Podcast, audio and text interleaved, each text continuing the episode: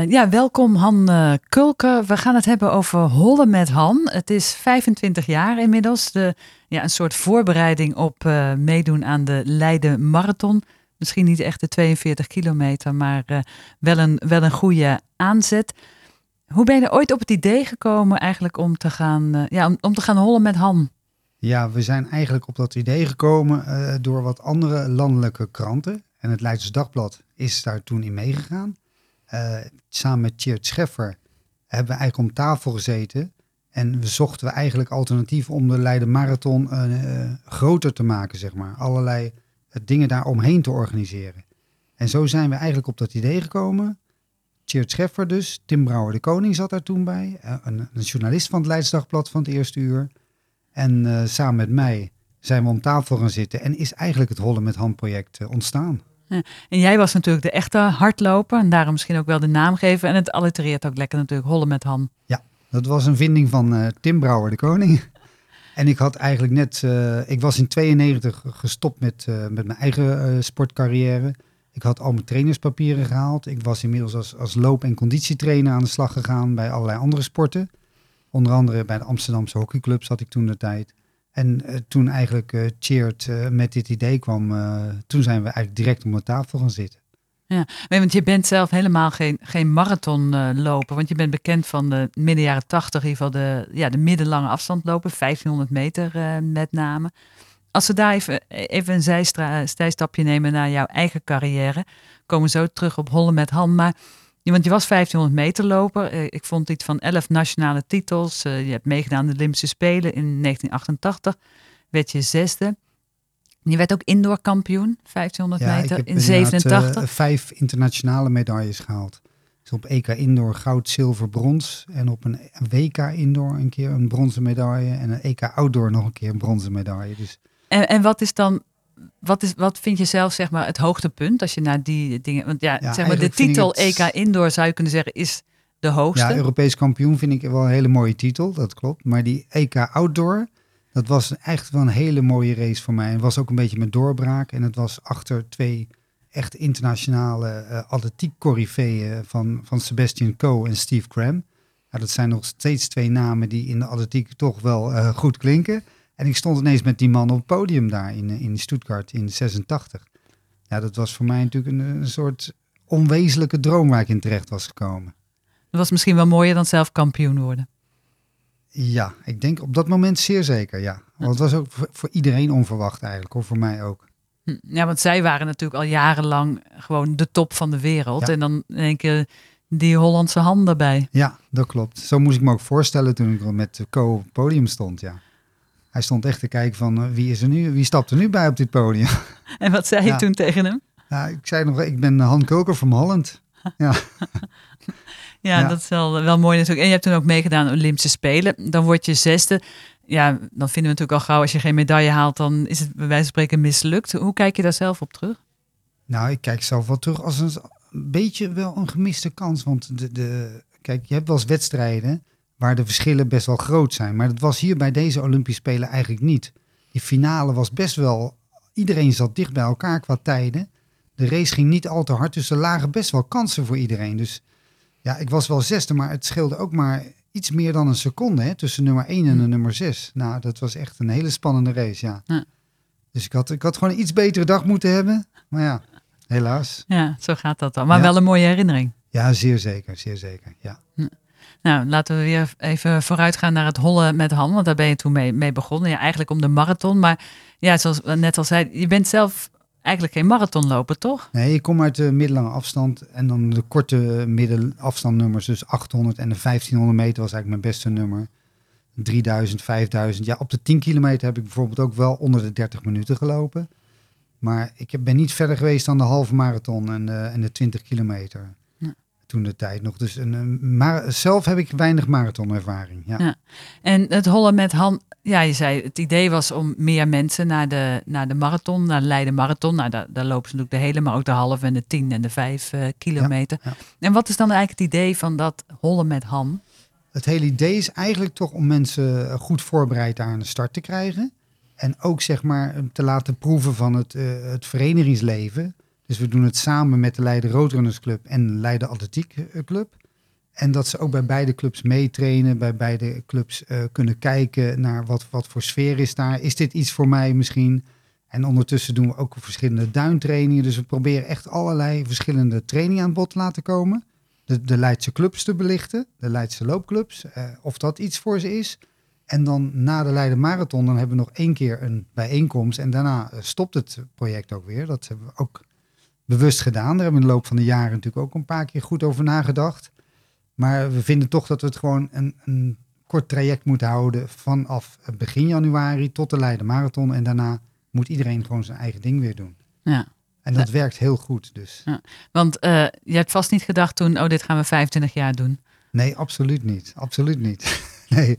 Hoeveel lopers heb, je, heb je in die jaren gehad, denk je ongeveer? Ja, ik denk, nou ja, we zitten meestal rond de 100, 100 à 120 uh, lopers. Ja, en dat, dat, zijn eigenlijk ieder jaar hebben we toch wel weer 60, 70 nieuwe mensen die helemaal uh, van scratch af aan komen hardlopen. En komen mensen dan echt binnen met het idee van ik ga nu de marathon lopen die eigenlijk nog helemaal geen ervaring hebben en denken dat jij ze in, uh, in drie maanden of vier maanden naar, uh, nee, dat, naar de dat, eindstreep Dat trekt? idee hebben we eigenlijk niet zo vaak hoor, moet ik zeggen. Dat we echt, we hebben sowieso meestal maar een handjevol, maar echt die de hele marathon willen gaan lopen. En we, we probeerden ook altijd een sterk te zijn, zeg maar, voor de beginnende loper. Dus dat die goed uh, opgevangen worden en goed getraind worden. En, maar de, de, de, het zwaartepunt ligt toch eigenlijk wel op de 10 kilometer. Daar hebben we de meeste lopers aan de start. En best ook een grote groep op de halve marathon. De mensen die echt starter zijn en misschien wat te veel uh, gewicht of ook ge geen sportverleden hebben, brengen we naar de 5 kilometer toe. En een handjevol marathonlopers. En die proberen we dan toch of ze bij de clubs wat extra trainingen kunnen doen. En wat kunnen mensen dan verwachten als ze zeg maar, bij jullie aankloppen om mee te hollen? Ja, we hebben sowieso, uh, zeg maar, door de, uh, het aantal lopers wat we hebben, kunnen we wel heel goed niveaugroepen maken. Dus dat is wel heel prettig. Dus je, lo je, loopt niet met 100 man achter je aan te hollen? Nee, nee, nee, nee, nee. Nee, we hebben echt zes, meestal rond de zes niveaugroepen. En hebben we dus ook gewoon goede trainers op iedere niveaugroep. En ik probeer wel iedere groep even een keer mee te doen of een keer training te geven. Dus zo, zo hebben we het wel een beetje ingedeeld. Dus op iedere groep hebben we een vaste trainer die gewoon zeg maar voor dat niveau de juiste dingen doet, zeg maar. En ook zeg maar de mensen begeleidt, want we komen natuurlijk maar één keer in de twee weken bij elkaar. En de rest moet uit het schema, uit het boekje gedaan worden. Dus dat wordt dan ook besproken uiteraard met de trainers. Ja. ja. En uh, ja, geeft het voldoening om dan die mensen naar de hand uh, in mei te zien? En wat, wat doet het dan met je? Ja, dat is wel heel leuk, moet ik zeggen. Want uh, als je ook nu in de loop van de jaren de t-shirtjes van Hollen met Han, hè, we hebben altijd een mooie loopshirt. En dat is ook geweldig om te zien, moet ik zeggen hoor. Ook mensen die dat verzamelen, alle kleuren van alle jaren. Nou, we hebben nu speciaal voor de 25e editie, hebben we ook een logo waar we alle kleuren van de, van de afgelopen 25 jaar in hebben geprobeerd te verwerken. Dus in ieder geval een kleurrijk logo met alle verschillende kleuren shirts die we in de loop der jaren hebben gedragen. En dat is gewoon heel leuk als mensen ja, een, een 10 kilometer bijvoorbeeld binnen het uur lopen. Dat is voor veel mensen best wel een drempel. Mm. En dat is wel heel fijn om, uh, prachtig om te zien als dat lukt. Ja, en, en ligt dan de nadruk op, uh, zeg maar, om een afstand gewoon uit te lopen? Of ook, uh, komen er ook mensen die echt zeggen, nou, ik heb hem al een paar keer gelopen, maar ik wil nu veel sneller? Ja, ja dat, dat gebeurt ook. Zeker, zeker. En we zien ook vaak dat de helft van de uh, mensen die instromen, zeg maar, dat die al eens vaker hebben meegedaan. En de helft zijn echt helemaal nieuw in het project. Mm.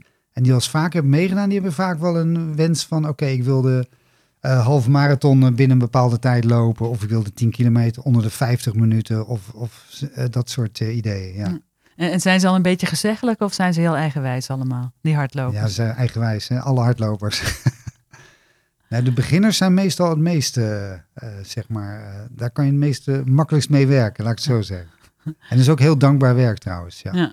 En wat, ja, bedoel, het is dan natuurlijk, ja, hollen, je doet het waarschijnlijk je hele leven al, maar wat maakt het voor jou toch leuk om dat elk jaar weer te doen? Met, want je zou denken, nou, dit is wel een beetje hetzelfde.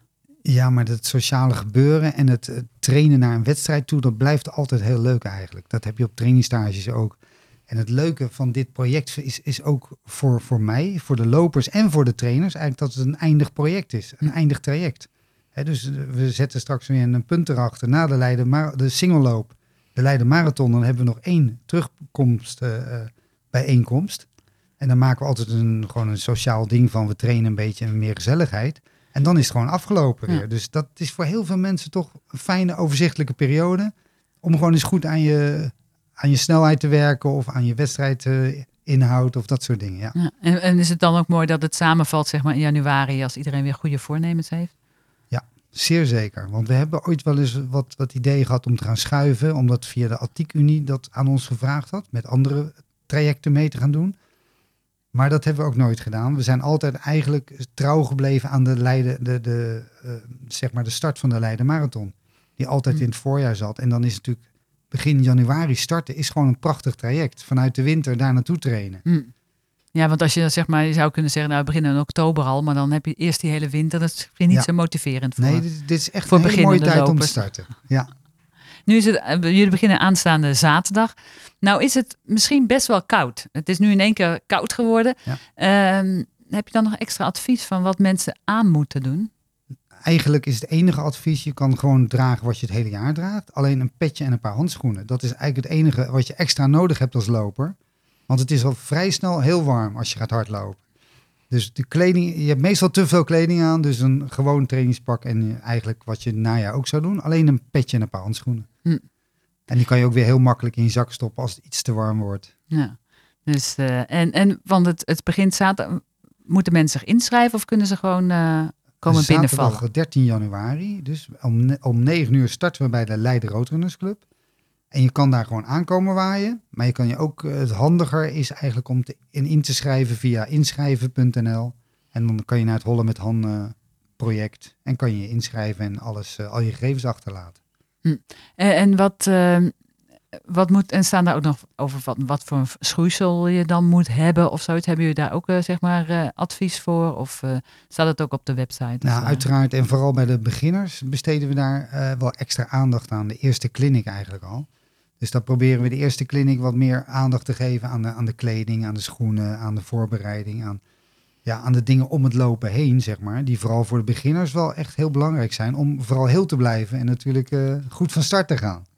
Want zie je dan wel eens dat mensen echt te enthousiast zijn en meteen denken van nou hupke in erin knallen? Ja, en dat heb je vooral met de mensen die dus al wat vaker gelopen hebben. En, maar die gaan dan vaak al heel fanatiek beginnen voordat we op 13 januari gaan beginnen.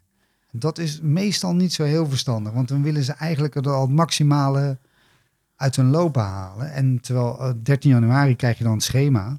En dan zie je eigenlijk een, geleidelijke opbouw. Dat je gewoon eh, vier tot zes weken eerst eens gewoon rustig eh, op gang komt. Hm. En met een goed gedoseerd schema. Ja, als je Hm. al eh, heel hard gaat trainen om naar 13 januari fit te staan, dat is meestal een beetje te kort dag. Ja. ja, want het is niet de bedoeling dat je meteen zeg maar 10 kilometer gaat lopen. Als Nee, je, nee, nee, nee, nee. Nee, we hebben echt een goed uitgebalanceerd schema. Eh, en voor alle niveaugroepen gebaseerd op, of zeg maar echt gericht op het niveaugroepje waar je in terecht komt. En dat kan je verder met, met je trainer, zeg maar, kan je dat gewoon eh, tunen. Ja. Laat ik het zo maar even zeggen. ja, nu is het 25 jaar. Ja, de volgende vraag is natuurlijk, eh, Ja. ga je het nog eens Waar 25 gaat jaar het doen? eindigen? ik zou het echt niet weten. Maar het is wel een, in ieder geval een heel leuk traject. En eh, wat vaak met zulke projecten ook lastig is, is om trainers te vinden. Maar omdat het dus een eindig traject is en we hebben feitelijk maar 10 clinics en twee wedstrijden, is het voor heel veel trainers ook prima om te doen. En vinden het ook vaak leuk om te doen. Hm. Dus dat is ook voor ons een eh, belangrijk eh, iets natuurlijk. Ja, we moeten wel mensen en vrijwilligers en trainers hebben. Ja, maar heb je al een opvolger op het oog voor over 10 of 20 jaar? Nee, dat nog niet. Dat nog niet. Je blijft het gewoon Nou, we hebben, wel, we hebben genoeg goede lopers in de Leidse regio, dus maar voorlopig blijf je, nog even voorlopig doen, blijf je gewoon hollen met Han. ja, ik blijf nog even hollen met Han. Zeer zeker.